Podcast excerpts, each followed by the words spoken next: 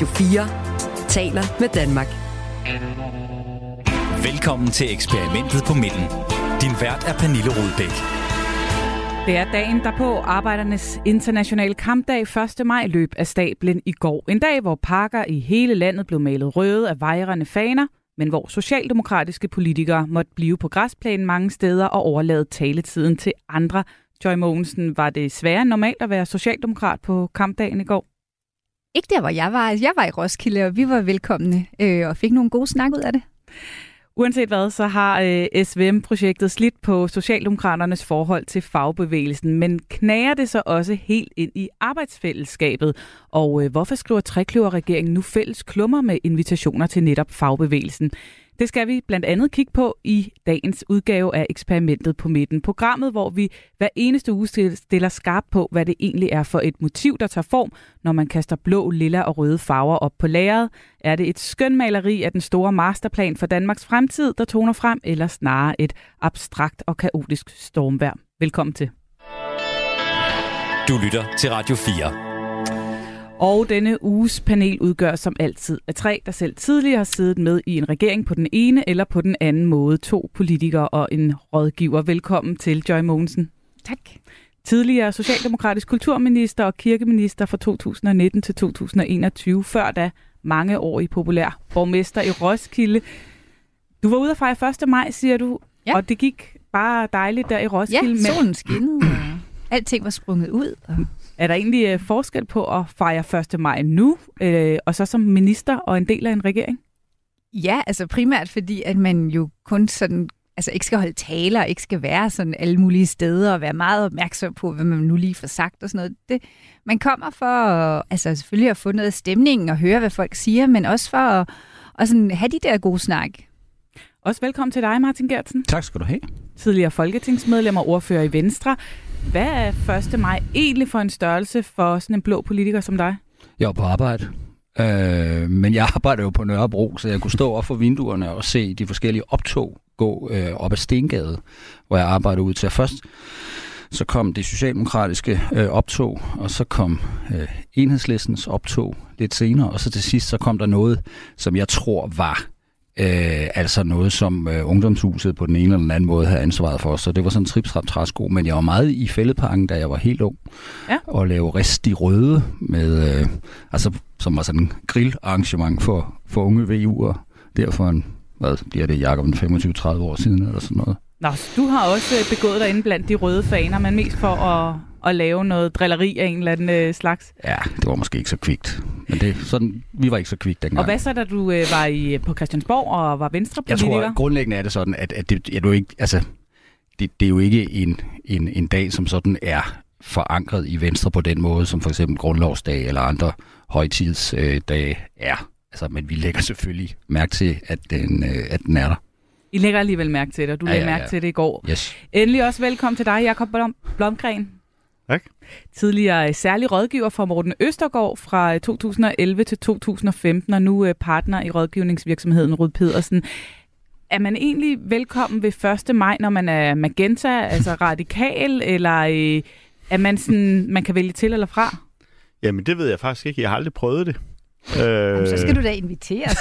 ja, så skal jeg have en invitation. Ja, altså, altså, ja, jeg Men, synes, alle er velkommen. Hvad med dine radikale politikere dengang? Må, må de troppe op i fældeparken, eller blev de øh, forvist igen?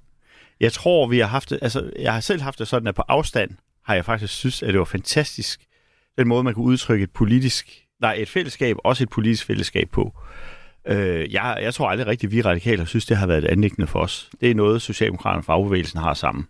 Så, så du har øh, lagt mærke til det, ligesom øh, Martin Gertsen har lagt, lagt ja. mærke til det? Ja, og så har vi jo arbejdssammenhæng altid, både i regeringen, men også inden vi kom i regering, øh, haft meget med Socialdemokrater at gøre. Der ved vi, at 1. maj var noget, der betød noget for dem. Dejligt at have jer med i dag, alle tre. Og øh, sidder du derude og lytter med og får lyst til at byde ind, ja, så er sms'en altså åben på 1424. Radio 4 taler med Danmark. Ja, der var grillpølser, fyldte kolde fadøl og masser af fællesang. Vi vil kæmpe mod lykke og med Vi er mange, vi har fået nok. Når vi ser et rødflæsk Ja, sådan lød det blandt andet i Fælledparken i København i går. På et af de mange hvide telte stod der med store blokbogstaver Revolutionær 1. maj, og foran teltet der stod de frivillige fra revolutionære socialister og delte flyers ud. På hovedscenen var der et pakket program af taler, men øh, ingen Lisette Risgaard eller Mette Frederiksen. Hvis man ville høre statsministerens tale, ja, så måtte man i stedet tage turen til Arbejdermuseet i København. En ny trepart, bedre erhvervsuddannelser, en folkeskole også for dem, der har svært ved at sidde stille, høj beskæftigelse, lav arbejdsløshed. Vi skal ikke hjem, vi skal videre, og i Socialdemokratiet kender vi vores ansvar. Rigtig god 1. maj. Ja, her var der altså øh, klapsalver Joy Mogensen, men hvordan har Mette Frederiksen egentlig haft det med at skulle markere 1. maj på en dag, hvor hun og hendes partifølger var bandlyst fra senere flere steder i landet? Oh, altså, oh, det, det, det er meget svært at udtale sig om, hvordan andre har haft det med det, men jeg vil sige Socialdemokrater som sådan, og jeg, jeg tror jeg faktisk også godt at sige Mette Frederiksen, uden jo at kende hendes indre tanker, altså glæder sig altid til 1. maj. Altså, jeg kan huske, det værste, jeg har været ude for, det var dengang, jeg som borgmester skulle fejre 1. maj, sådan midt i lærerkonflikten. Øh, hvor at alle steder, hvor jeg kom, der var der jo lærere, der vendte ryggen til mig. Og det var, det var der heller ikke, altså, altså det var der på ingen måde altså sådan festligt eller hyggeligt, eller sådan, nu er vi en fællesskab. Fordi der var jo rigtig mange konflikter, men så bruger man jo netop dagen til, så, så, så siger man det, man har på hjerte, og jeg synes faktisk, Mette Frederiksens tale inde i, i Arbejdermuseet også altså, var, vist, altså, mindede mig om den politiker, hun er, fordi der var jo mange af de andre politikere, som slet ikke berørte hele, altså Lisette Rigsgaard fagbevægelsens situation nu. Og det, at Mette faktisk tør sætte de ord på, så diplomatisk som hun gjorde det, det viser også, den hun er. Hun, hun, jeg er sikker på, at hun efter sin tale gik ned og tog alle de der snakke, også med dem, der er sure. Og derfor så, så altså, at være i politik er jo ikke kun en popularitetskonkurrence, hvor det gælder om at få stemmer. Det gælder også om at stå for noget, og så tage snakken med dem, man har, er uenig med. Men når du har prøvet der som øh, minister at skulle træde ind til et 1. maj arrangement og vide, at nu får du, står du for skud, nu er du skurken, hvordan forbereder man sig så? Altså, det, det prøver man jo rigtig, rigtig, rigtig mange gange som politiker. Altså, jeg synes faktisk næsten ikke engang 1. maj har været de værste. Jeg kan huske dengang, at da flygtningene vandrede på motorvejen, og jeg skulle ud i gymnastiksalen og fortælle de små bysamfund, at nu skulle vi oprette flygtningeboliger også hos dem. Det er faktisk de steder, hvor jeg sådan har følt mig mest sådan, hvad kan man sige, altså sådan lidt troet, fordi folk virkelig havde følelserne ude på tøjet nogle steder. Men, men så, jeg har i hvert fald lært, at man jo også som politiker nogle gange skal være, altså, altså den, den, den, som skal tage imod folks reaktioner, og så skal man altså kunne håndtere dem professionelt, og så skal man bare ikke tage dem for meget ind, øh, men man skal bare bruge dem til at tænke over bagefter. Hvorfor er det egentlig, og skal jeg så navigere min kurs på nogen måde? Men, men bare for at sige, det, det er ikke for, for alle politikere til at lyde sådan fuldstændig teflonagtige, men, men det prøver vi jo rigtig tit, og det er en del af at være politiker netop, at man skal tage imod folks reaktioner, og så skal man bare huske ikke at blive teflon, men tage dem ind og lige tænke over dem. På øh, sikker afstand af alt balladen. Måske et dejligt sted ude i 1. maj zonen der kunne øh, de to regeringsfælder Lars Løkke Rasmussen og Troels Lund Poulsen se dagen og øh, den måske lidt svære tale udspille sig på, øh, på afstand. Martin Gertsen, hvad har det været for en dag for, for de to her? Jamen det tror jeg egentlig, du beskriver meget godt. Altså en dag, man observerer lidt på, på afstand. Øh, og selvom det her jo er et arbejdsfællesskab, så tror jeg da ikke, altså det, gør, det, det er jo ikke sådan, at man sidder og øh, græder i vildens sky, for eksempel i Venstre over, at der er lidt kurve på tråden mellem øh, Socialdemokratiet og Venstre. Det tror jeg da egentlig, man synes kan være meget udmærket. Men jeg havde egentlig tænkt, at jeg havde forberedt mig lidt til det her i dag, mm. og jeg, jeg synes egentlig, man skal jo passe på, at man ikke gør den konflikt, der er nu mellem fagbevægelsen og Socialdemokratiet til noget sådan altså helt epokegørende nyt. Altså fordi der har jo været masser af kurer på tråden mellem Socialdemokratiet og fagbevægelsen historisk set. Altså i 70'erne, øh, der skilte Thomas Nielsen som formand for LO, han skældte ud på Anker Jørgensen over, at han førte sparepolitik i, øh, i 80'erne, der tilsluttede sig øh, fagbevægelsen sig Slytters økonomiske politik til Socialdemokratiets øh, store fortrydelse. I 90'erne, der kappede fagbevægelsen jo båndene til Socialdemokratiet, sådan så det var op til det enkelte fagforeningsmedlem, øh, om man ville yde støtte til, til Socialdemokratiet. Så der har jo været masser af historiske øh, kurer på tråden, og det her, det er så bare endnu en. Bare endnu en, men er det noget, som nu siger du, de måske kan sidde en, der er måske nyde i Venstre, at det, ja, det lige ja, handler ja, om nogen. Men måske at, ja, ja. nu handler nu spotlyset ikke på dem. Nu, ja. nu, nu er det måske mere på, på Mette Frederiksen og Socialdemokratiet. Men den her uro, der er i forhold til fagbevægelsen, vi taler meget om det, som om det er et socialdemokratisk øh, problem, det er forholdet mellem de to.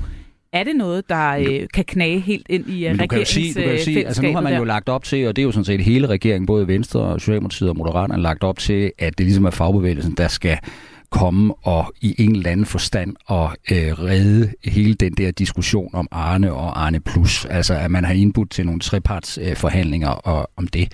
Og der har man jo selvfølgelig behov for, at, øh, at fagbevægelsen på en eller anden måde stiller, spiller konstruktivt øh, med det hele er jo kørt lidt op i en spids på grund af det der store bededag, hvor, man, hvor fagbevægelsen ville have folkeafstemninger, og hvad ved jeg. Øh, og, og jeg tror, man, man, har jo, man har jo i regeringen behov for at få fagbevægelsen igen som et eller andet alibi for også at kunne træffe nogle lidt svære beslutninger.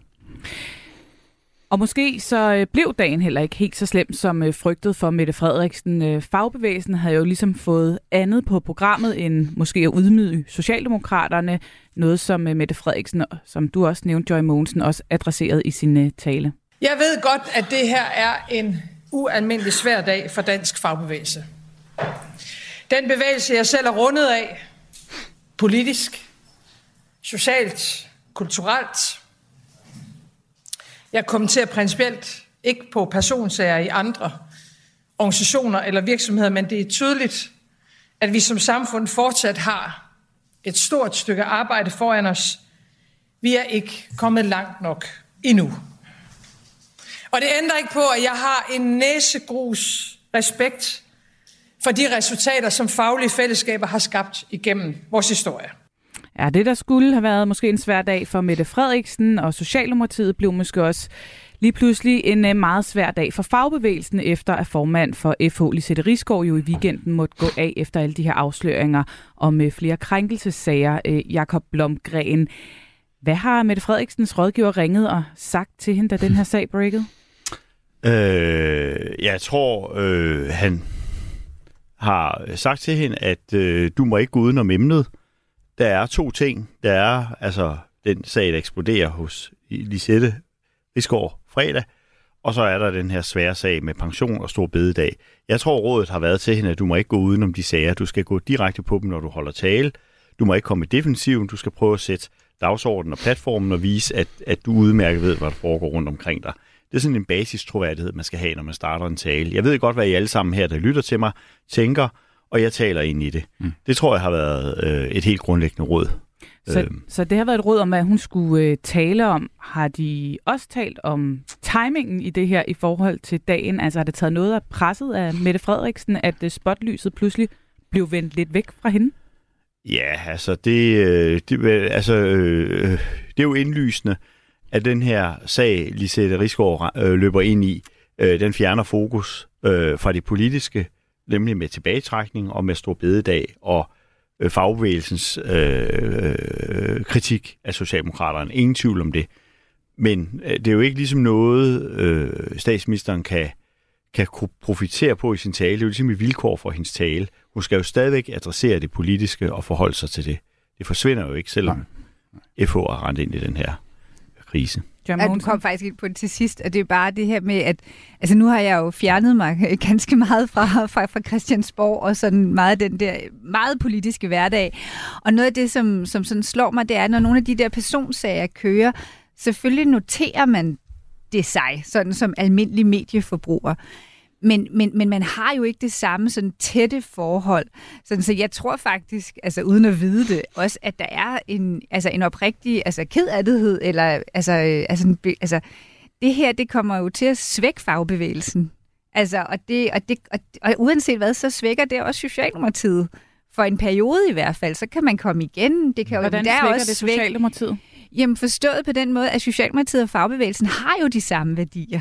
Altså, altså på trods af alle de her øh, knuder, som vi altid har, som skal løses ud af den ene og den anden, for den ene og den andens, øh, hvad kan man sige, start, øh, så, så har vi nogle sager, vi er jo enige om, men vi kæmper grundlæggende for de samme værdier i samfundet, sådan så når den ene part er svækket, jamen så svækker det også den anden parts evne til at kæmpe for de værdier.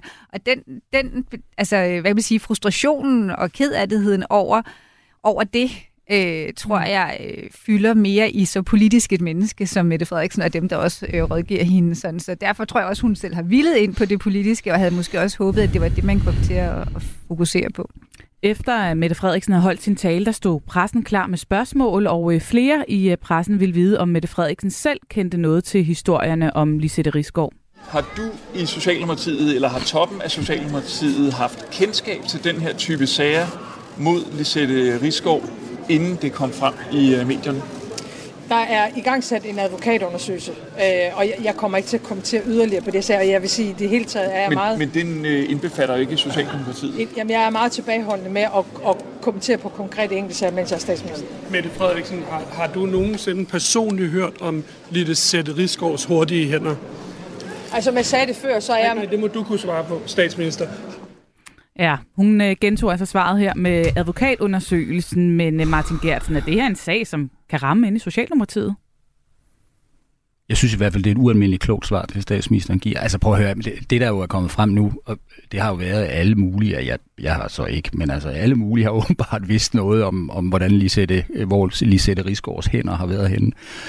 Øhm, øhm, og, og politikere er jo generelt nogle slædertasker. Altså så det skulle da undrer mig, hvis det ikke også det ligesom var kørt rundt i socialdemokratiske kredse i både høj og lav. Øh, øh, ja, altså det kan jo ramme på den måde, for nu at svare på dit spørgsmål, det kan jo ramme på den måde, at hvis, hvis den socialdemokratiske formand eller statsministeren har vidst noget om noget, som har foregået, som ikke burde foregå, så kan man jo helt naturligt stille det spørgsmål, hvorfor i alverden har du så ikke grebet ind, hvorfor har du ikke gjort noget, hvorfor har du ikke sagt noget, hvorfor har du ikke orienteret, hvor der nu skulle orienteres. Så det vil da være en trist sag. Jeg, jeg synes, det lyder som en meget klogt svar, det statsministeren giver.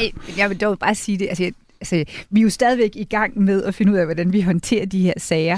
Og jeg har det faktisk også sådan lidt med, at der, netop fordi at politikere er nogle sladertasker, så er det altså sørme svært nogle gange at finde ud af, hvad der er, er op og ned. Ja, ja.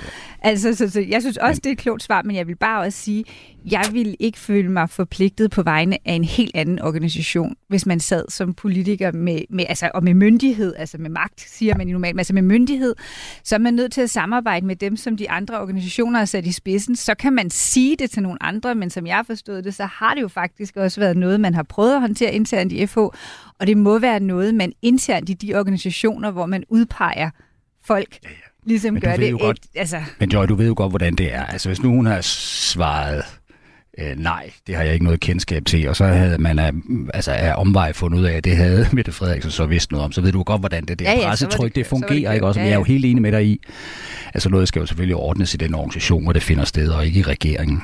Og det vil her sådan nogle rådgiver som dig kommer på banen, øh, Jakob Blomgren, mm-hmm. når man skal sidde og, dække sig ind i forhold til, kunne det her ramme os? Der er mange ja. spekulationer lige nu. Kunne hun have vidst noget? De kommer i de samme kreds. Det var da også et mærkeligt tidspunkt, det lige breaket på.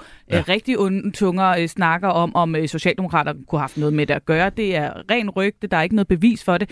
Men de her spekulationer går. Mm. Hvad, hvad, hvad kommer man i gang med som rådgiver? Hvad er det for krig? Altså, skal de til at krisehåndtere eller dække sig af på de her øh, mulige faldgrupper for Socialdemokraterne nu? Nej, jeg, jeg tror ikke, man krisehåndterer, men det, jeg tror, man som rådgiver gør, det er at sige, når du nu er eksponeret 1. maj med det, så skal du vide, så kommer alle de her spørgsmål. Hvad vidste du? Har du en, øh, er du venner med Lisette? Er der nogen, der har nævnt noget for dig? Alle de her spørgsmål har hendes rådgiver selvfølgelig sikret sig, at hun er klar til at svare på. Og jeg er enig med Martin, hun lægger den rigtige standard. Og det handler mere om, at man som statsminister ikke kan lægge en standard. Der man jo optræder man som statsminister, og man kan som statsminister ikke lægge en standard, hvor man spørger ind til, hvad vidste du egentlig personligt? Noget, der ikke er arbejdsrelateret. Hvad vidste du? Har du hørt noget sladder? Hun lægger den helt rigtige ramme og siger, så noget går jeg ikke ind i. Og det må hun øh, så blive ved med at gentage lige så mange gange, som der bliver jamen, det gælder, det gælder alle sager, altså, eller det gælder alle emner, at man lægger sådan en standard. At man udtaler sig om noget, man ved, og noget, man har beskæftiget sig med. Men alt andet, det er, det er den standard, man ligger over kan du ikke pressen. det kan du ikke forestille dig, hvis nu hun er svaret, jamen det her, jeg har jeg faktisk, øh, jeg kan ikke lige huske, hvornår, men det har jeg faktisk, tror jeg faktisk, jeg har hørt et eller andet om, hvilken by af spørgsmål, mm. der er dine ja. kolleger, så, altså hvornår var det, og hvem var ellers til stede, og fanden hans på med stok. Det der, hun gør, det er helt rigtigt. Men ja. det vil så være mit næste spørgsmål. Hvad så, hvis det kommer frem, at øh, hun har kendt til det her? Socialdemokraterne har kendt til det her? Jamen altså, øh, øh, øh, kommer frem, altså hvis jeg tror, nogen, hvis hun har fået... Nej, men jeg tror her... Der, altså, nu vil jeg bevæge mig ud i... Det bliver jo kun en sag for hende, hvis hun har fået en mail, hvor der, man direkte har bedt hende om at tage aktion for noget. En af de berørte har sendt hende en mail og sagt, kære Mette, jeg øh, føler mig dårligt tilpas ude i FH, kunne du ikke lige gøre noget? Og så man ikke har fået et svar. Så er man måske på en eller anden måde inde i sagen, men det er meget, meget spekulativt, og sådan noget tror vi jo. Altså, det er jo svært at have fantasi til Så at jeg er heller forestille ikke helt sig sådan sikker noget. på, at Mette Frederiksen læser alle hendes hvis sådan en mails. mail men- indgår, nej, men så har man jo medarbejdere, der sidder og så hov, hov, her er et eller andet, der blinker. Så øh, selv hvis hun har vidst noget, så, kan jeg, altså, så skal det jo pege direkte tilbage til hendes embede som statsminister, for at det kan blive en rigtig, rigtig sag. Vil du som øh, rådgiver være nervøs på nuværende tidspunkt? Øh, nej. Øh, ja, nu drister jeg mig til at sige nej, Ja, øh, fordi jeg opfatter statsministeren som ret driftsikker Ja. i sådan et spørgsmål, Okay. og man har også et, et apparat omkring sig. Vi øh, skal også lige vende os mod en artikel fra lørdagens Politiken. Man skal øh, bladre op i øh, debatsektionen og øh, helt hen nederst på øh, side 9 for at finde en klumme med den her basker af en overskrift. Mangel på arbejdskraft er et af landets største problemer. Og hvem fyrer så så skarpvinklet en øh, overskrift af? Det øh, kan man se nede i byline. Det gør hele tre navne. Det gør nemlig Mette Frederiksen, Troels Lund Poulsen og Lars Løkke Rasmussen.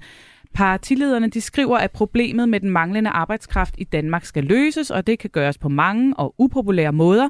Og derfor vil regeringen lave en permanent trepartsinstitution, og inden sommeren så vil regeringen så invitere fagbevægelsen med indenfor til at tale om løsninger, både i forhold til arbejdskraft og tilbagetrækning. Martin Gertsen, øh, hvad er det for en idé, som øh, den her samlede regering har fået, som har ledt til, at de har sagt, godt lad os sætte os ned og skrive den her klumme og sende ind til politikken? Ja, Hvad der er jo ikke noget det? nyt i budskaberne. Nej, det er Jamen, det. er, altså, hvorfor? indholdsmæssigt er det det samme, som man hele tiden har sagt, at det her det er en reformregering, og vi skal måles på vores resultater, og vi skal have råd til fremtidens velfærdssamfund og alt det der. Øh, jamen, man har jo behov for nogle venner. Altså, det er jo meget tæt på, at den her regering er ved at blive kaldt øh, magtfuldkommen, ikke? Hvis ikke den allerede... Ah, det er den jo allerede blevet. Øh, vi har haft hele øh, diskussionen om Stor Bededag, øh, som man bare ruller igennem. Vi har den der Arne Plus, som nogen i virkeligheden mener er en Arne Minus, øh, øh, som man også bare havde tænkt sig at køre igennem, indtil man fandt ud af, at det var forlistof, og det kunne man alligevel ikke.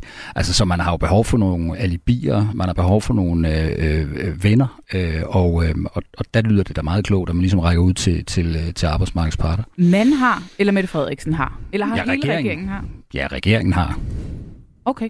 Jakob Blomgren, jeg måtte øh, læse den her indledning tre gange for at forstå den. Ikke? I det hele taget så kører den altså i et rimelig højt øh, leakstal.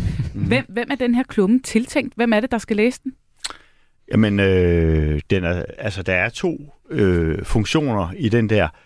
For det første, når man nu opgiver øh, noget så højt profileret, som at lave den her Arne Plus, som er vedtaget i regeringsgrundlaget, det er ikke lige til at opgive ting, man i regeringsgrundlaget har lovet, skråstreg, truet med.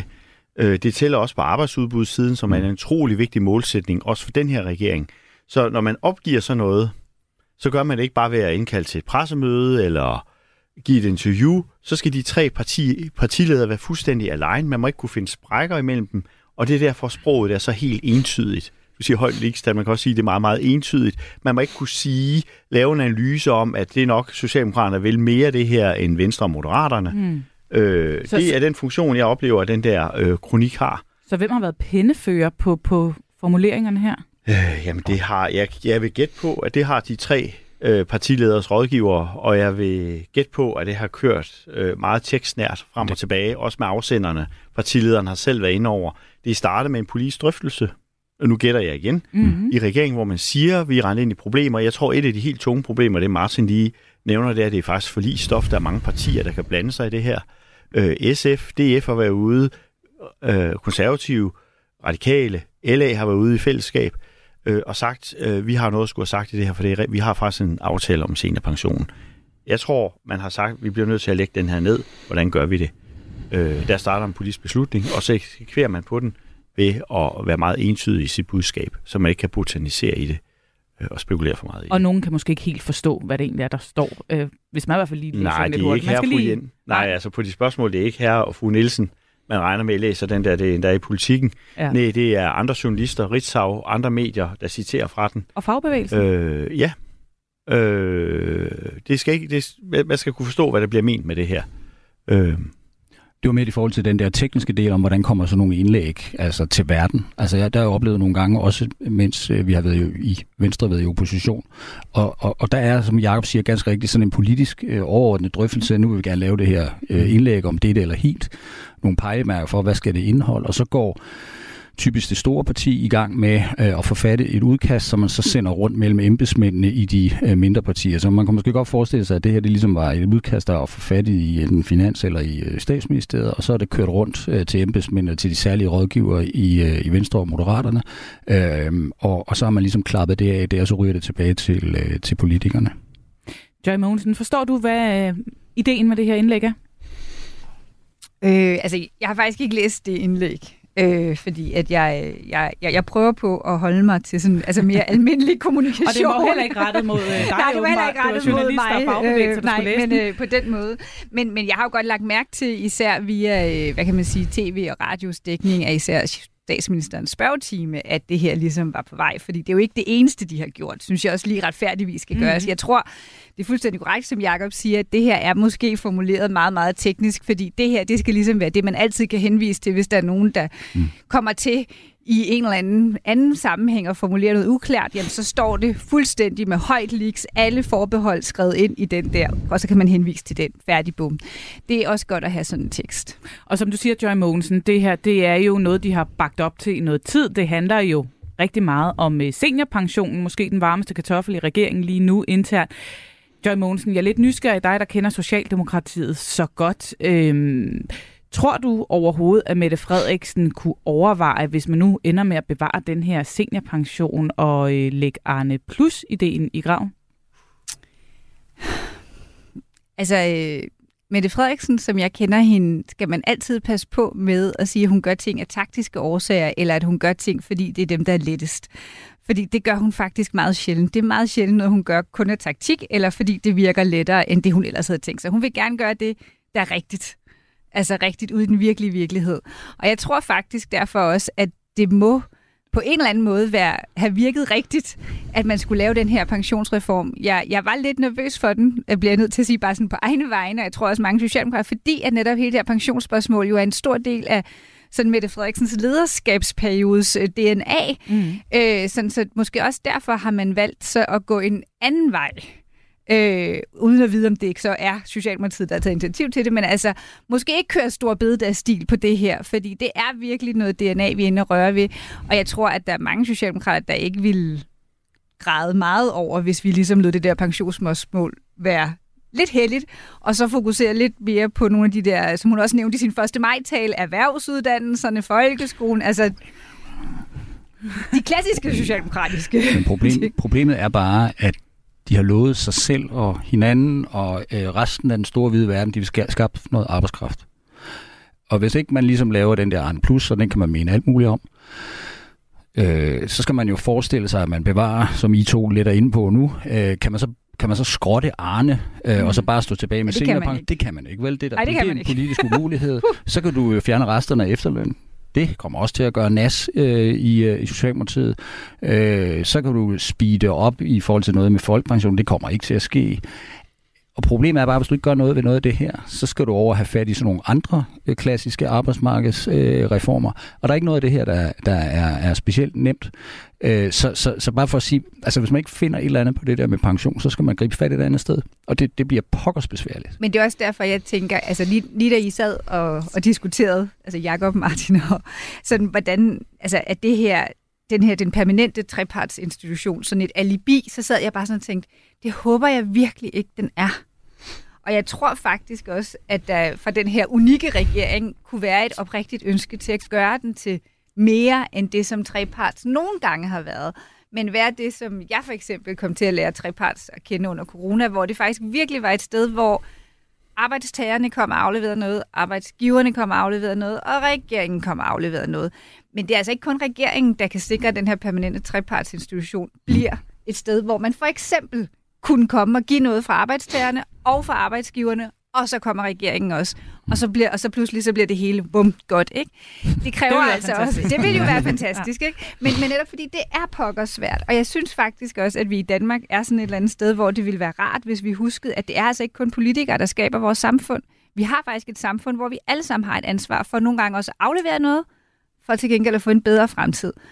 Og det, det synes jeg nogle gange, nu, må jeg, nu er først mig overstået, så nu må jeg godt være lidt kritisk over for fagbevægelsen. Og jeg synes nogle gange, de bliver bange for de gule fagforeninger, og bliver for meget advokater, i stedet for også at være dem, der er med til faktisk at forme fremtidens Problemet er Danmark. bare her, Joy, at den her undskyld Jacob, jeg skal nok, men det er bare, problemet er bare, at den her regering har slået op, sig op på, at nu kommer vi ligesom at klare ærter, når vi har flertal og sådan noget. Og så første gang, man støder ind i et virkelig alvorligt problem, så falder hele muligheden. Ah, det er Ej, måske det lidt- ej, stor bid, det var vel det første. Sådan. Ja, men så, men så problem nummer to, ikke? Så, så bliver man nødt til at gå ud og hente nogle venner ude i fagbevægelsen og i arbejdsgiverorganisationerne, for ligesom at kunne komme igennem med det her. Altså, øh, det er det, der ligesom er den politiske er udfordring i det her, synes jeg.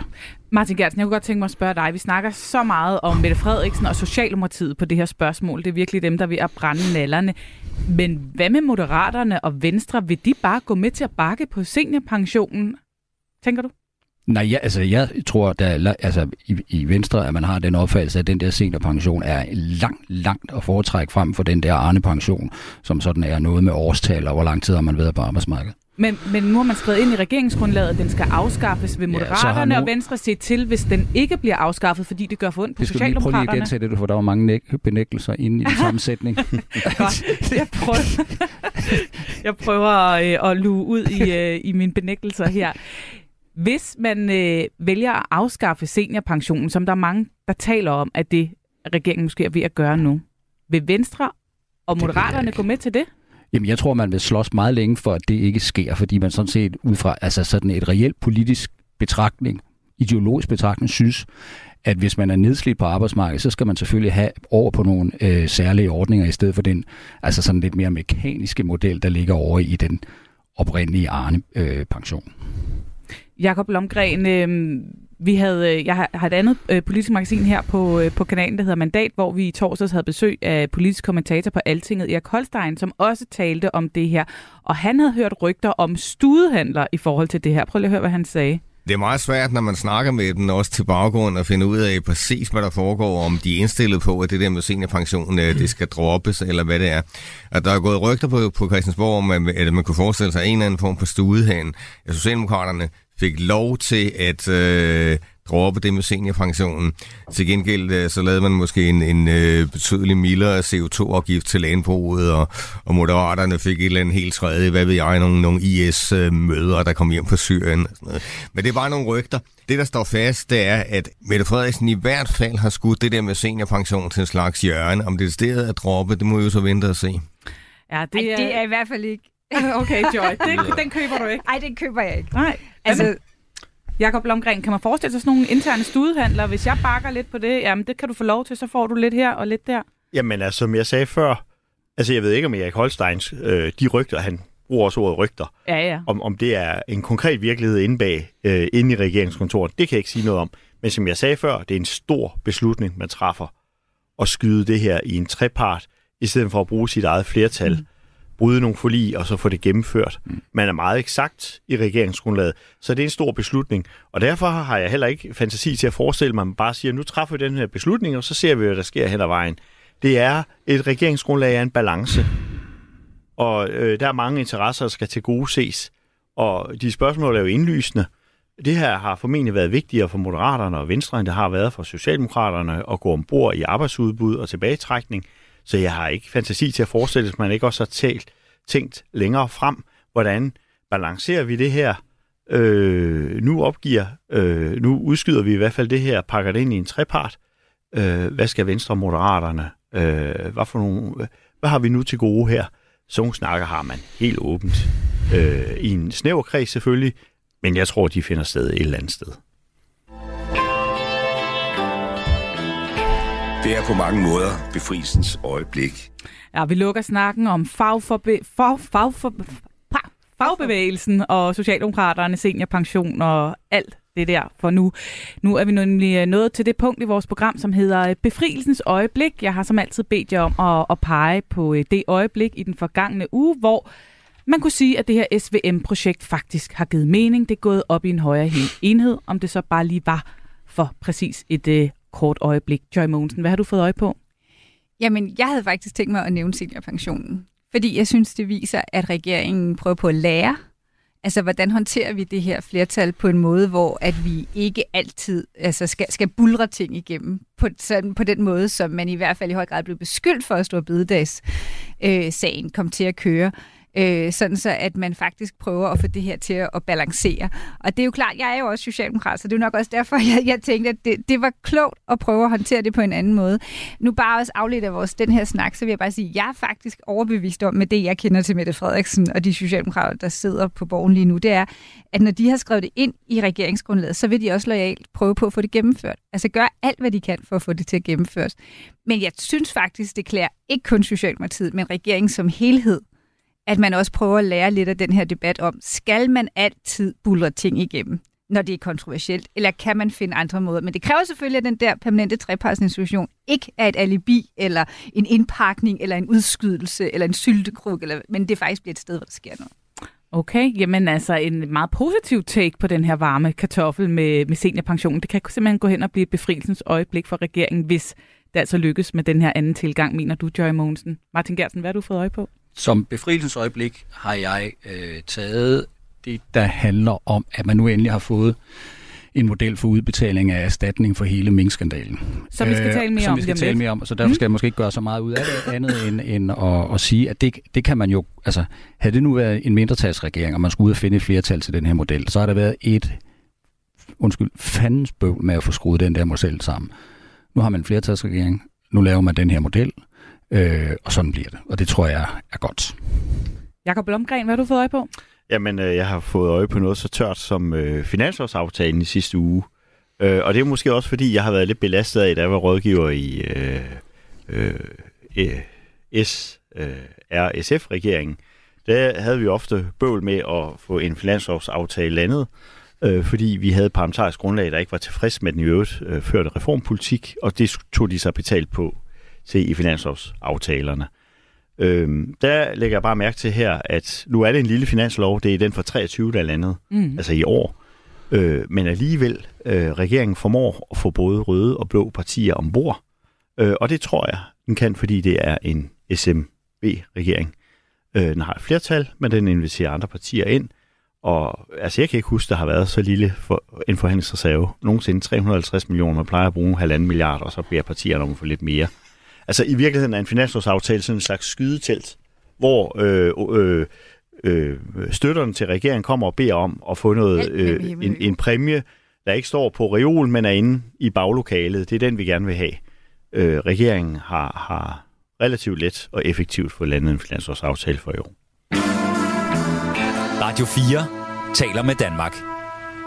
Vi er i fuld gang med eksperimentet på midten, og med mig i studiet har jeg Joy Mogensen, Martin Gertsen og Jakob Blomgren. Og nu spoler vi så tiden tilbage til fredag. Der er nemlig øh, god tid til øjenkontakt med alle de fremmødte journalister, da fødevareminister Jakob Jensen står klar til at holde pressemøde.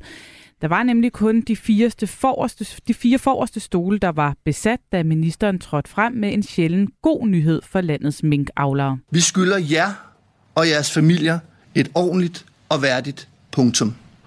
Det håber jeg, at den her model kan være med til at give jer.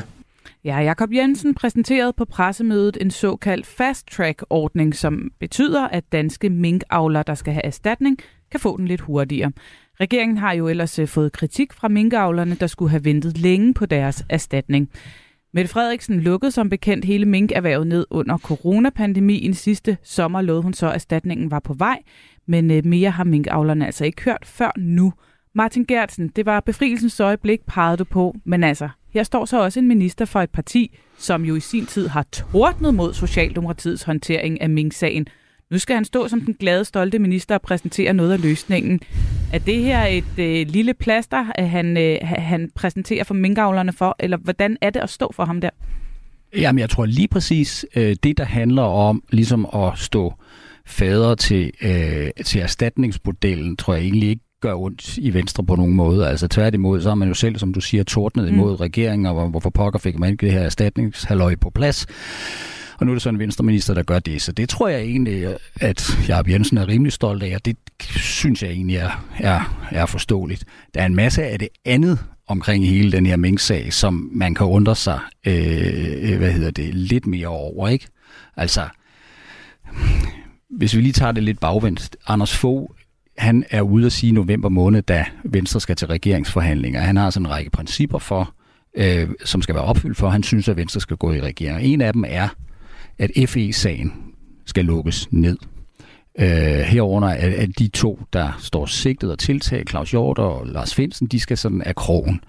Øh, inde i det der forhandlingslokale, der kommer Mette Frederiksen så af krogen på det, der handler om minkskandalen. Mm. Øh, slipper for en advokatundersøgelse. Øh. Men hvor blev alt det andet af, som Venstre skulle have haft her? Og det kan måske undre lidt, at man ikke ligesom har øh, med Fogs ord fået klaret den del også. Så når Venstre som parti har fået en hel masse høvl for at, øh, at, at gemme en masse af deres tidligere krav væk, er det så godt, at de har ministeren, som skal være med til at, at reparere lidt på det? Jo, men som sagt, så tror jeg egentlig, at, at, øh, at, at, altså, at den der del, der handler om at skrue en model sammen, der ligesom kan være et plaster på såret mm. og sådan noget, det, det, det tror jeg egentlig ikke, at Venstre på nogen måde har noget øh, bøvl med.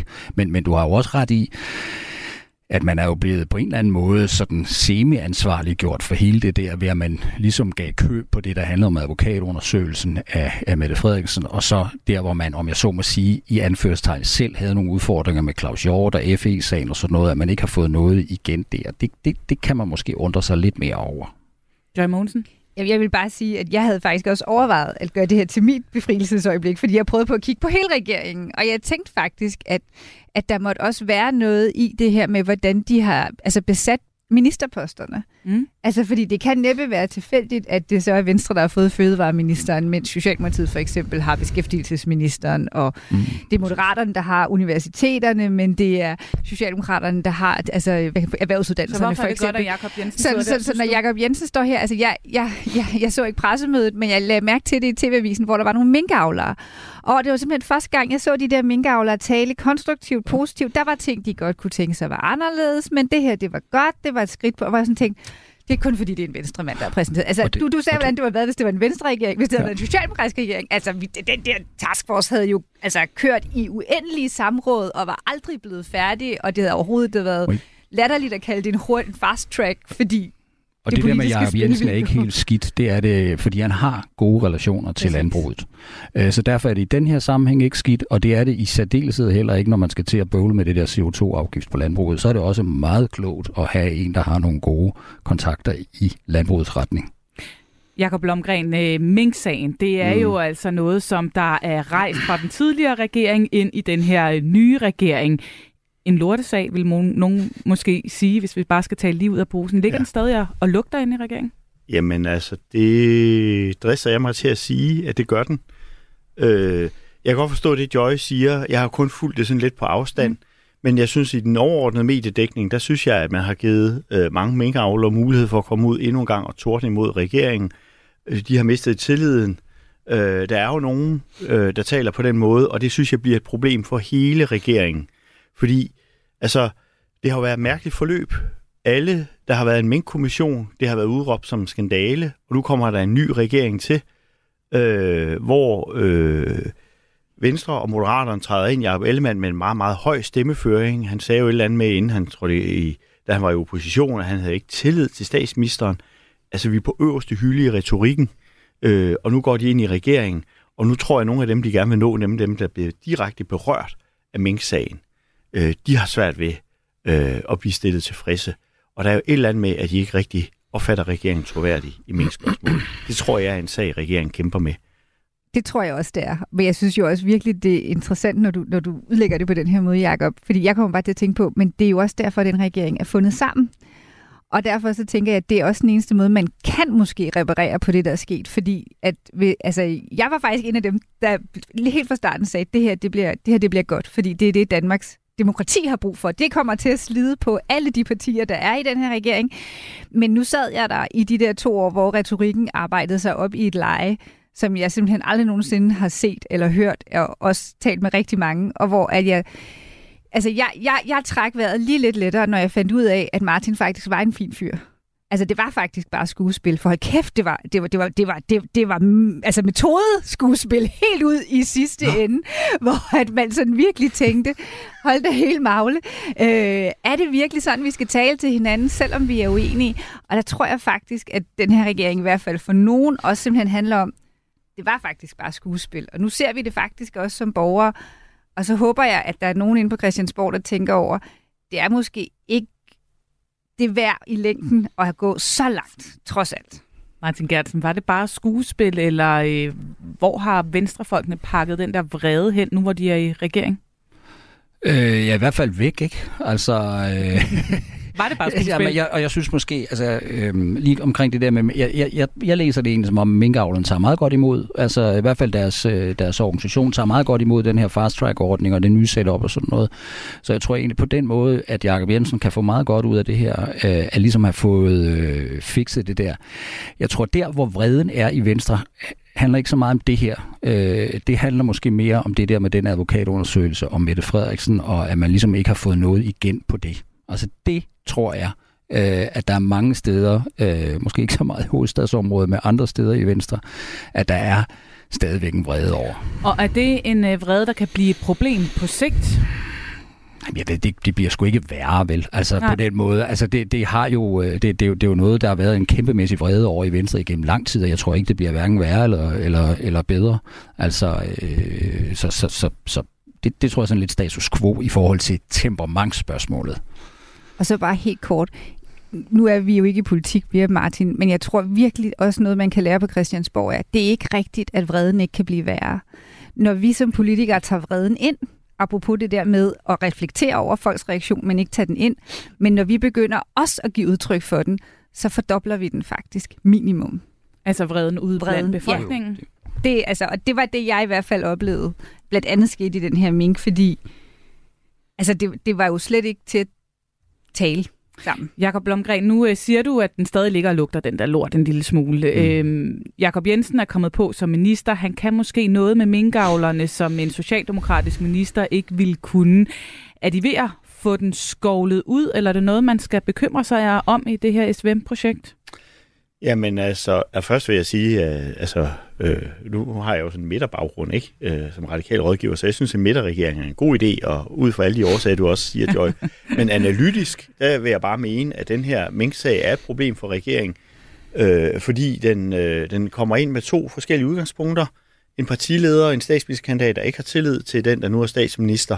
Og det øh, har været så stærkt et budskab, at det har sat sig hos folk. Og jeg tror, at vælgerne har delt sig i spørgsmålet. Mm. Der er ikke kommet nyt til, men jeg tror ikke, du kan overbevise de vælgere, eller jeg synes, at det her det var en skandale, og man, øh, kører, man, man gjorde brug af nogle principper, der ikke er sunde.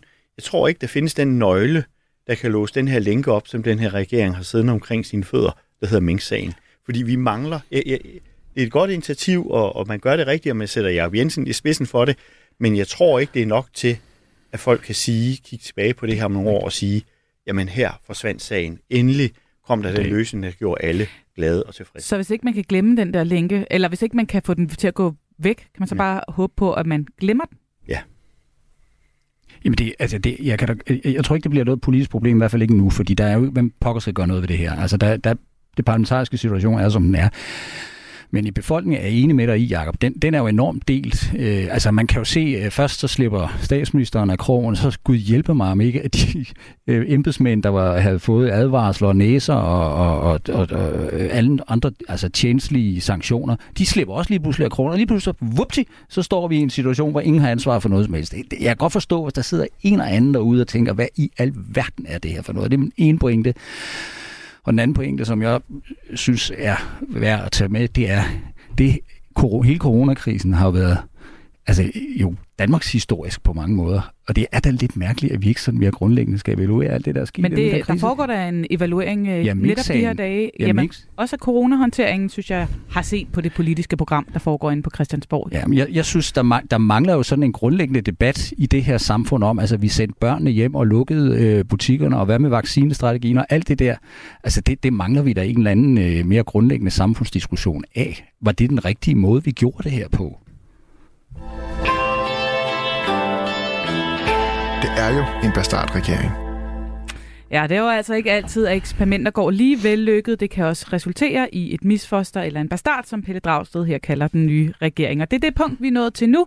Jeg har nemlig også bedt jer om hver især at pege på en ting, en udtalelse, en begivenhed, noget som øh, kategoriseres som øh, den her uges politiske bastard for SVM-regeringen. Martin Gertsen, vil du lægge for? Jeg synes, at det der øh, med øh, hele pensionsspørgsmålet øh, er, øh, kan vise sig at være en rigtig stinker. Altså, øh, fordi at nu lægger man ud til trepart, som man ikke rigtig ved, hvor ender det henne. Og vi regeringen har sat sig for at skaffe noget mere arbejdskraft.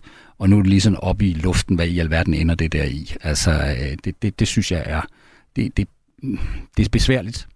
Så hvor uh, Joy Mogensen lagde den i befrielsens øjeblik, Yes. så ligger du den nede i bastarden. Jakob Blomgren, hvad har du fået øje på? Jamen, jeg, jeg har altså fundet noget helt andet, og det kan godt være, det er lidt overset, men det er måske de her forsvarsforhandlinger, som ikke rigtig kommer i gang, fordi der ligger et tilsyneladende et øh, blødende økonomisk hul dybt nede i Forsvarsministeriets kasser. Det er korrekt. Øh, og det i starten har Venstre jo tænkt, at vi skal have Forsvarsministeriet, vi skal profileres på, vi skal have en bred forsvarsaftale. Alle partier har bakket op. Vi havde det nationale kompromis under den tidligere regering, en politisk succes.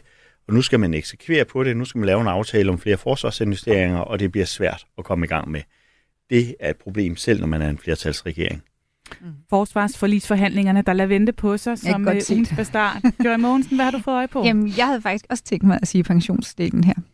Ja, du tager den øh, med til begge. Ja, jeg tager den med til begge, og det gør jeg Kreativt. simpelthen, fordi, at, jamen, fordi når man ser på regeringen, så, så vil jeg sige, jeg, altså, jeg, jeg var jo som sagt en af dem, der virkelig var glad for den, men jeg har virkelig, virkelig efterhånden lidt svært ved at se andet, end at den sådan er gået lidt i drift.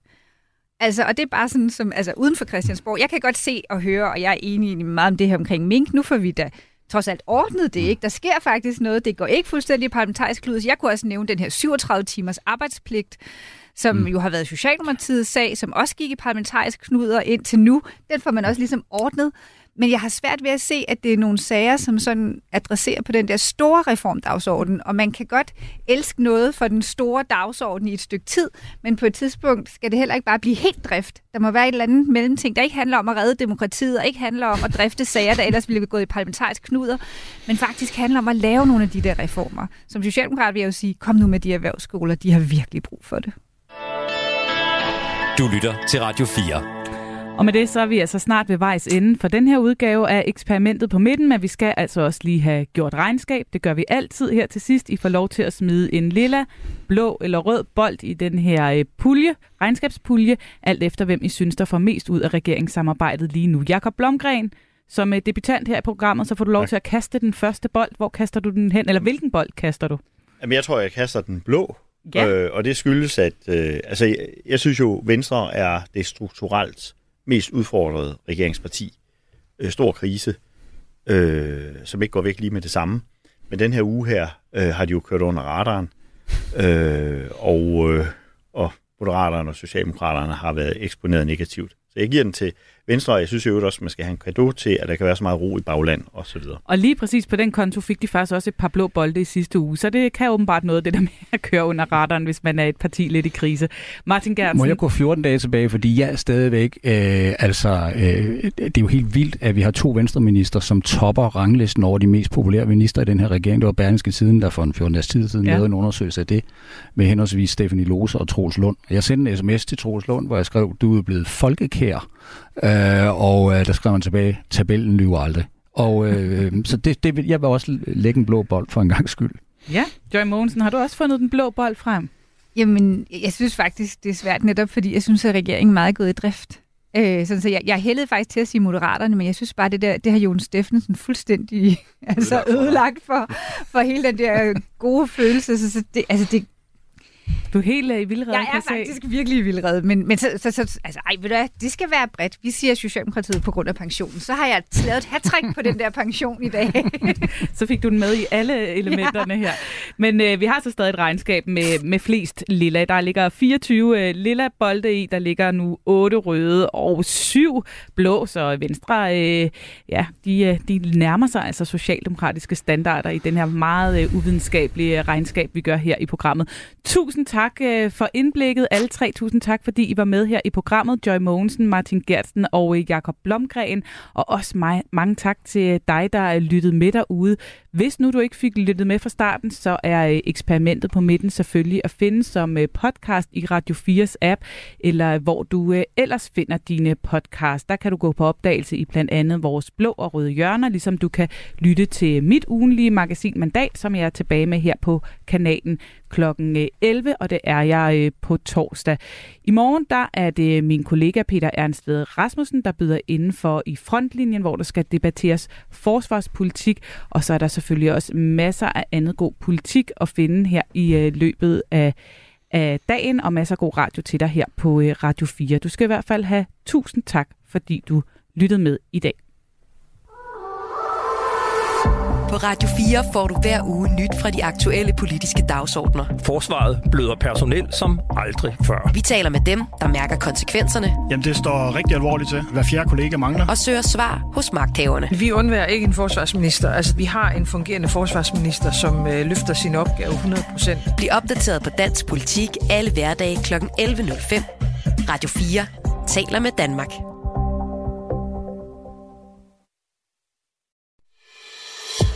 Du har lyttet til en podcast fra Radio 4.